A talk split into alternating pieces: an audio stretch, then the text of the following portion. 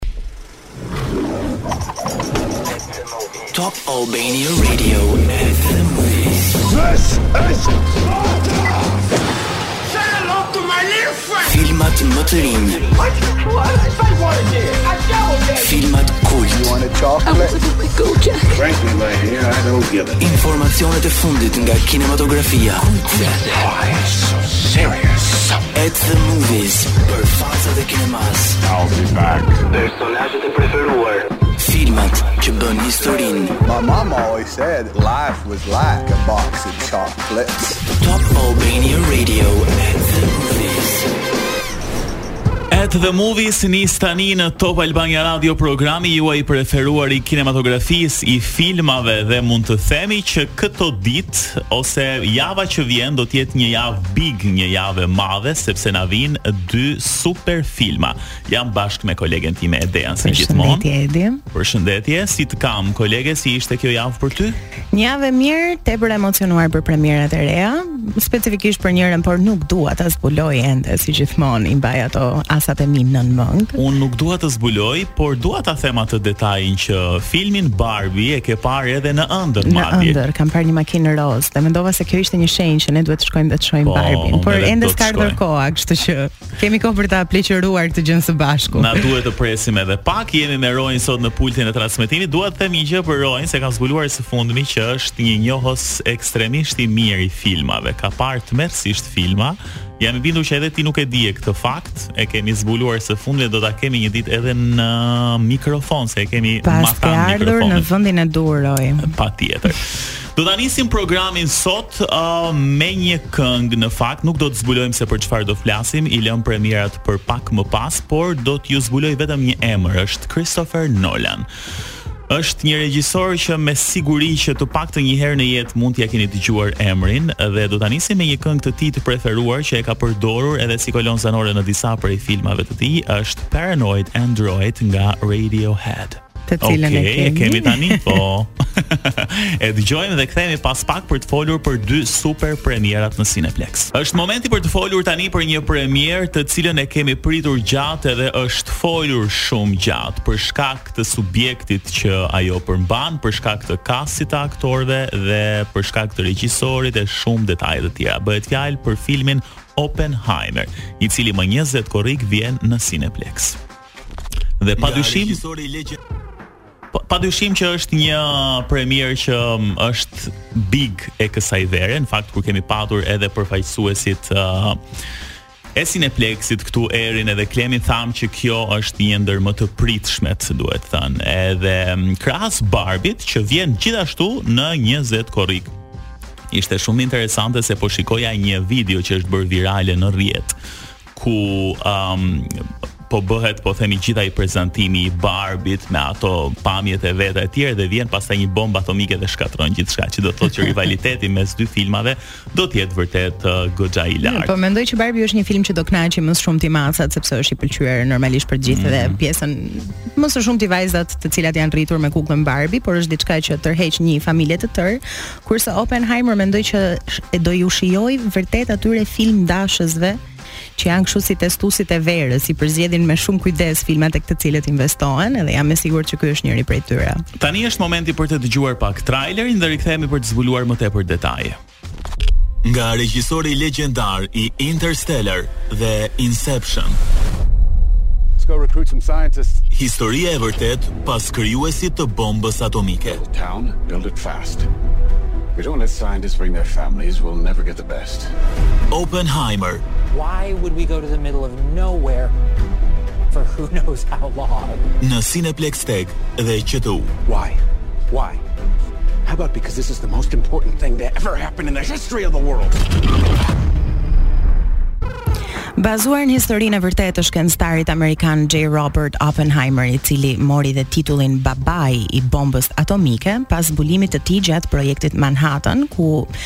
Jo vetëm bëri fazën kërkimore, por edhe dizenjoi vetë bombën atomike.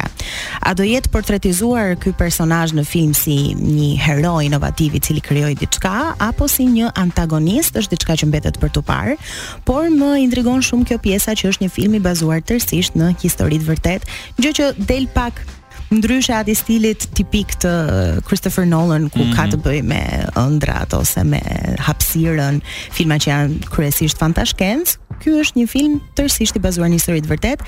Pra ti shkon për ta parë filmin, mëson dhe historinë e vërtetë të fshehur mbas babait të bombës atomike dhe nuk e di se si është portretizuar. Kjo është gjë që mua më bën shumë kurioze për ta parë. Të gjithë janë kurioz, nëse do të uh, trajtohet po themi në anën pozitive, sepse ai uh, shpiku diçka që nuk e kishte parë bota ndonjëherë më përpara, por ishte diçka në fakt që solli shumë dëm edhe shumë jetë të humbura. Kështu që nuk e dimë se në cilin aspekt e ka trajtuar Nolan. Tjetër gjë interesante është se është filmi më i gjatë që ka bërë ndonjëherë Nolan, zgjat plot 3 orë dhe ka thyer edhe rekordin e Interstellar, i cili uh, zgjat 2 orë e 50 minuta.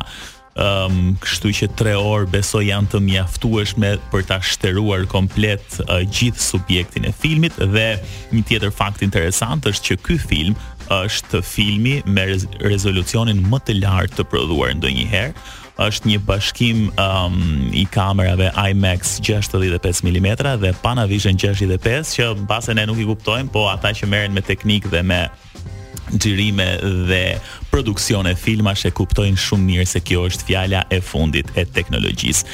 Edhe është shumë interesante, më fal se po të ndërpres, mm -hmm. por është shumë interesante kur lexon se Christopher Nolan kamerën e tij të parë e ka pasur 16 mm edhe oh. të kuptosh se tani ka kaluar në diçka që ka ndoshta rezolucionin më të lartë të parë ndonjëherë në kinematografi. Tregon vërtet se si diçka shumë e vogël, një ëndërr shumë e vogël me ato filmat me buxhet shumë të vogël me të cilat ai ka nisur, mund të realizohet në një karrierë që përveç se do të sjellë fitime marramëndse, do ta shndërrojë në një nga regjisorët më të mirë të të gjitha kohërave. Absolutisht. Para se të na thuash diçka për Nolan, doja të theksoja pak edhe kastin e aktorëve, është Cillian Murphy, i cili vjen si J. Robert Oppenheimer. Kemi Robert Downey Jr., Emily Blunt, uh, Matt Damon, Rami Malek, um, ka shumë aktorë në fakt këtu nuk di kujt t'i vësh Ëm um, po themi a ka aktor të dytë. Se këtu janë të gjithë protagonistë, janë emra të mëdhenj, Josh Hartnett, Gary Oldman, Casey Affleck. Domethënë sa më poshtë të shkosh te lista e aktorëve gjen prapë emra të mëdhenj, kështu që kasti është i jashtëzakonshëm. Mirë, vlen për t'u përmendur fakti se Christopher Nolan me Oppenheimer po bën një rikthim tamam ashtu siç ia ka ënda pas filmit Tenet që ishte në 2020-ën. Uh, Nolan gjithashtu është skenarist i shumicës së filmave të tij dhe sado e pabesueshme mund t'ju duket, është fitues i 145 çmimeve kinematografike dhe mund të ketë marrë gjatë jetës së tij diku tek 237 nominime. Shifra të cilat mund t'i përkasin, do thoja shumë pak regjisorëve nëpër botë.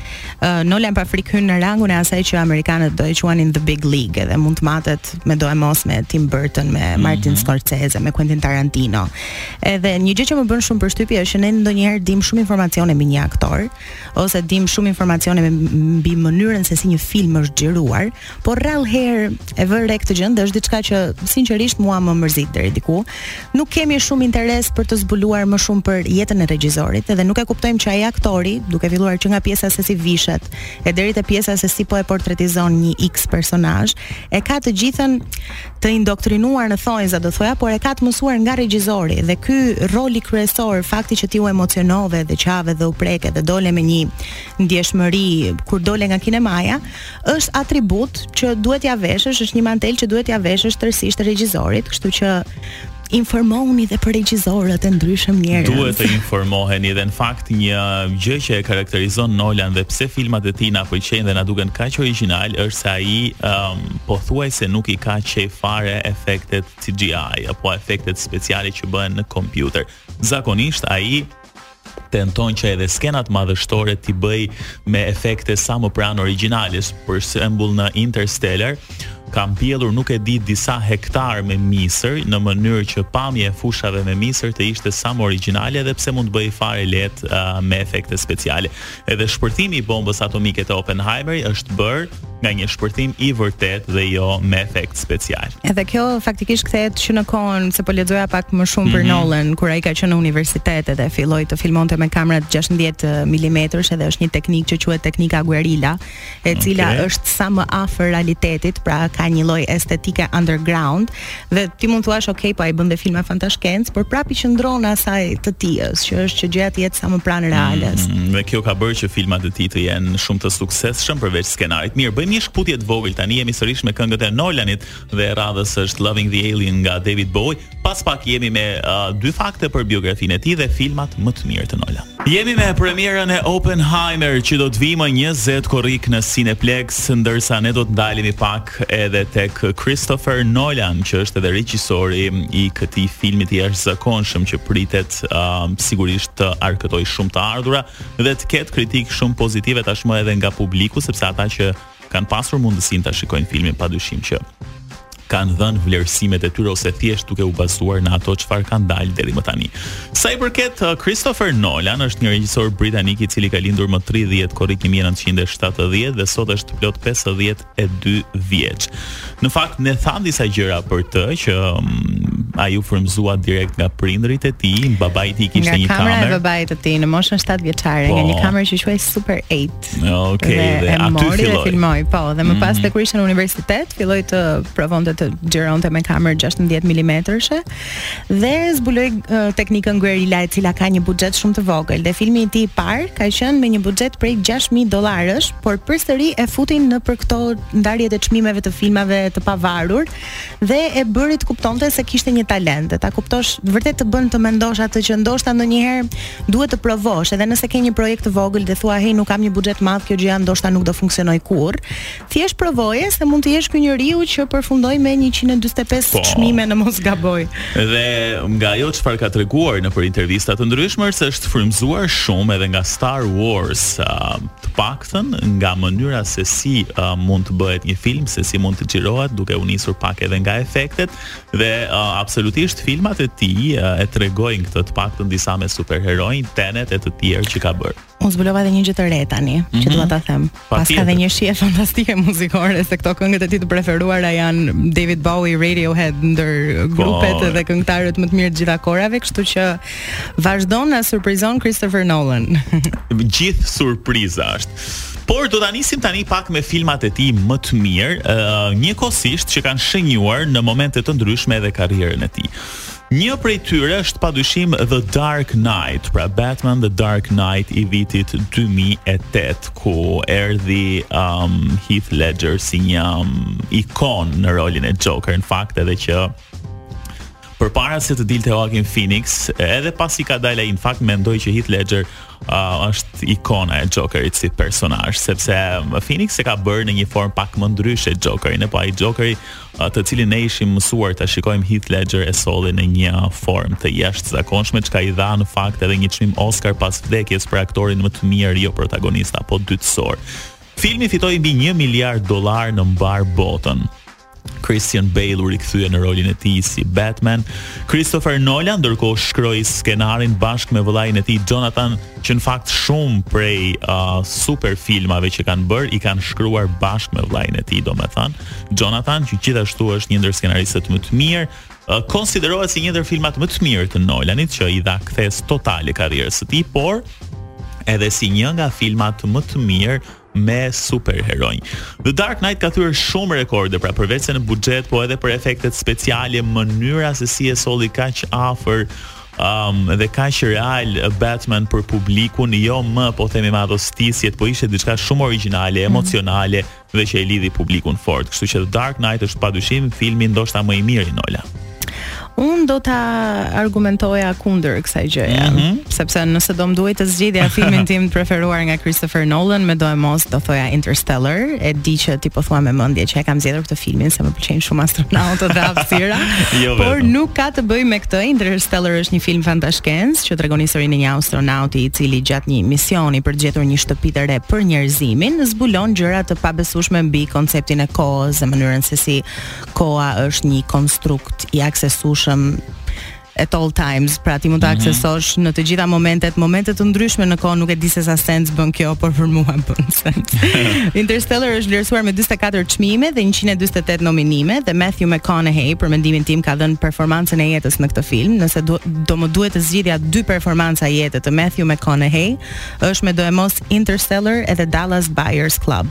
Dhe edhe pse është një film fantashkencë, okay, që flet për këtë pjesën e fundit të kohrave, fundit të njerëzimit dhe planeteve të tjera, ka shumë elemente siç janë familja, të cilat e mbajnë këtë film. Ajo është esenca e filmit. Pra mund të mendosh që do shkosh të shohësh një film fantashkencë, por jo, do të kthejë tek ato mesazhet e thjeshta jetike të cilat të gjithë ne i dimë që gjëja më me vlerë është familja. Absolutisht, edhe vjen shumë origjinale edhe pse ka shumë efekte speciale, fluturime në kohë, planete të ndryshme, ama duket sikur uh, ngjarjet ndodhin në këtë botën tonë, në realitetin tonë edhe janë shumë të prekshme që e karakterizon shumë edhe punën e Nolan. Një tjetër film që do të ndalesha unë është The Prestige i vitit 2006. Um, edhe ky i shkruar bashkë me vëllain e tij Jonathan Dhe vijnë dy aktorë shumë të mirë, në fakt njëri prej tyre um, sidomos që unë e kam shumë qejf që është Hugh Jackman uh, dhe Christian Bale gjithashtu si magjistarë rivalë të një skene në Londrën viktoriane që grinden për një truk të përsosur që ka të bëjë me teletransportimin. Kasti përfshin gjithashtu Scarlett Johansson, Michael Caine, Andy Serkis dhe shumë të tjerë. filmi uh, bashkoi dhe një herë Nolanin me Bale dhe Caine, sepse këta ishin uh, si protagonistë edhe te The Batman Begins. Um, dhe filmi mori shumë kritika pozitive dhe gjithashtu u nominua për çmim Oscar për regjinë më të mirë dhe kinematografinë më të mirë. Kështu që i ka merituar. Duket sikur ky element i magjisë surreale, udhëtim në kohë është një tipar shumë karakteristik i Christopher Nolan. Në pothuajse në çdo film. Unë them që të bëjmë një shkëputje të vogël tani apo jo Roi dhe më pas kemi dhe dy filma të tjerë, po kaq të mirë të Nolan. Rikthehemi në program, kemi edhe dy sugjerime për filmat më të mirë të Nolan. Jemi frymëzuar për të folur për të, pasi më 20 korrik vjen Oppenheimer si premiera, një film i jashtëzakonshëm që të gjithë e presim që ka të bëjë me krijuesin dhe ndërtuesin e bombës atomike dhe atij që njihet si The Manhattan Project ose Projekti Manhattan. Jemi tani tek Dunkirk e kemi lënë një film historik lufte i vitit 2017 i shkruar nga Christopher Nolan, fakt përveç se shkruar, drejtuar dhe prodhuar nga vetë Nolan. Flet për evakuimin e Dunkirkut në luftën e dytë botërore, Nga perspektiva e tokës, detit dhe ajrit. Um, është prodhuar nga Nolan dhe Emma Thomas dhe um, duhet thënë se është një film i cili ka arkëtuar më së shumti nga filmat lufte të bërë ndonjëherë duke fituar 527 milion dollarë. Dunkirk ka marrë vlerësime për skenarin, regjinë, montazhin, uh, për zërin edhe disa nominime në fakt, uh, duke përfshirë uh, si filmi më i mirë, regjisori më i mirë, që ishte edhe nominimi i parë i Nolanit për Oscar, pra për regjisor më të mirë, ndërsa ka fituar për Best Sound Editing, Best Mixing Editing dhe Best Movie Editing. Duhet thënë se sa i përket filmave lufte është një ndër më të realizuarit. edhe në këtë film Nolan i ka kushtuar një rëndësi të madhe fare rezolucionit edhe cilësisë uh, kinematografike dhe të imazhit që është e jashtëzakonshme. Dhe nëse i keni qejf filmat me luftë, padyshim që është një film i jashtëzakonshëm. Um, luan Harry Styles ka debutuar në fakt për herë të parë si aktor edhe mjaft mirë, duhet thënë Kenneth Branagh, Cillian Murphy gjithashtu uh, ka bashkëpunuar për herë të parë me Nolanin tek ky film, jo për herë të parë, në fakt se është edhe tek uh, tek Tenet, në mos gaboj, nuk jam shumë i sigurt, te Batman Begins, po. Edhe nuk është uh, po themi bashkëpunimi i tyre i parë se Nolan i ka fiksim disa aktorë të cilët i mban pas vetes gjithmonë. Patjetër, një gjë që më pëlqen shumë është fakti që Nolan është një nga ata regjisorët i cili edhe shkruan është dhe skenarist, është dhe producent, është ajo shprehja që thonë amerikanët duhet një fshat i tërë për të rritur një fëmijë, edhe duhet një fshat i tërë për të për të xhiruar një film, mm. por Nolan duket sikur i pëlqen t'i marrë këto situatat në duart e tij dhe e vë dorën kudo dhe kjo gjë i funksionon. Nuk e di a e di e, por Emma Thomas është gjithashtu gruaja e Christopher po. Nolan. Dhe më duket mjaft interesant ky filmi, ky filmi. më duket ky bashkëpunimi mes një çifti, sepse zakonisht kemi këto çiftet e aktorëve që kur i shohim që luajnë bashkë për krah njëri tjetrit, themi o zot sa gjë e bukur këta janë çift në jetën e vërtetë. Por uh, kur janë dhe regjisorë, mendoj që është një lloj tjetër kimie, pra është dhe ajo debati midis unë kam këtë vizion, ti e ke këtë vizion, si dakordësohen këta, do isha shumë uh, e intriguar për të parë ndoshta një intervistë po. mes të dy. Është pak e vështirë sido që të jetë në çdo ambient pune kur je së bashku me partneren, ndërsa um, këtyre të dyve i ka rezultuar shumë i suksesshëm kjo gjë. Mirë, një tjetër film shumë i suksesshëm, suksesi i të cilit është i pamohueshëm, mm -hmm. është Inception me 159 çmime dhe 220 nominime dhe flet për një hajdut i cili vjedh disa sekrete korporate me anë të një teknologjie ku literalisht futet në ëndrrat e tua e dëgjuat shumë mirë, futet brenda ëndrrave që ju shikoni gjatë darkës dhe arrin t'i aksesojë, por i jepet një detyrë që kësaj radhe jo vetëm të shohë ëndrrën e dikujt, por t'i fusë një CEO-je, një ide në kokë gjatë kohës që ky CEO po fle gjumë dhe po shikon ëndërr. Është pak i komplikuar Inception për të gjithë ju që ndoshta edhe nuk kuptoni shumë nga ato çfarë themi, po Është një film shumë i bukur edhe duhet të jeni të vëmendshëm në momentin që e shikoni sepse një moment i humbur mund t'ju shpërqendrojë edhe të keni pikëpyetje. Është nga ata filmat mendoj unë që duhet të ulesh në atë periudhën që je pak i qetë dhe ke kohë të fokusohesh dhe të ndjekësh skenë pas skene. Ka disa filma që unë them këto shikohen duke qëndruar në Google, pra lexon skenë pas skene informacione. Mendoj që Inception nuk është për të gjithë, nuk është ajo gota e çajit për secilin nga mm. ne. por mendoj që është një film që nëse do arrini ta kuptoni, do e mendoni për muaj të tërë me radhë. Absolutisht mirë se nuk kemi edhe shumë kohë, se jemi në fund, kemi për të fa dhe për të shpallur edhe një fitues për kuicin të javës që po lëmë pas, është Nin që ka gjetur në fakt përgjigjen um, e saktë dhe i pari për shprehjen You Smell Terrific nga Ace Ventura. Okej, okay, e kishim me, me duartrokitje sot. Arena Center mm -hmm. dhe mhm. të zgjedh një nga premierat për të parë, do t'i sugjeroja të priste deri më 20 korrik për të parë Oppenheimer ose Barbie. Ose Barbie. Javën që vjen jemi për Barbien, kështu që do t'i kemi në fokus të dyja këto premiera, pastaj ju me siguri që do t'i shikoni të dyja. Dëgjohemi të premten e ardhshme, deri atëherë kalofshi bukur edhe mm, shikoni filma të mirë. Fundjavë të këndshme.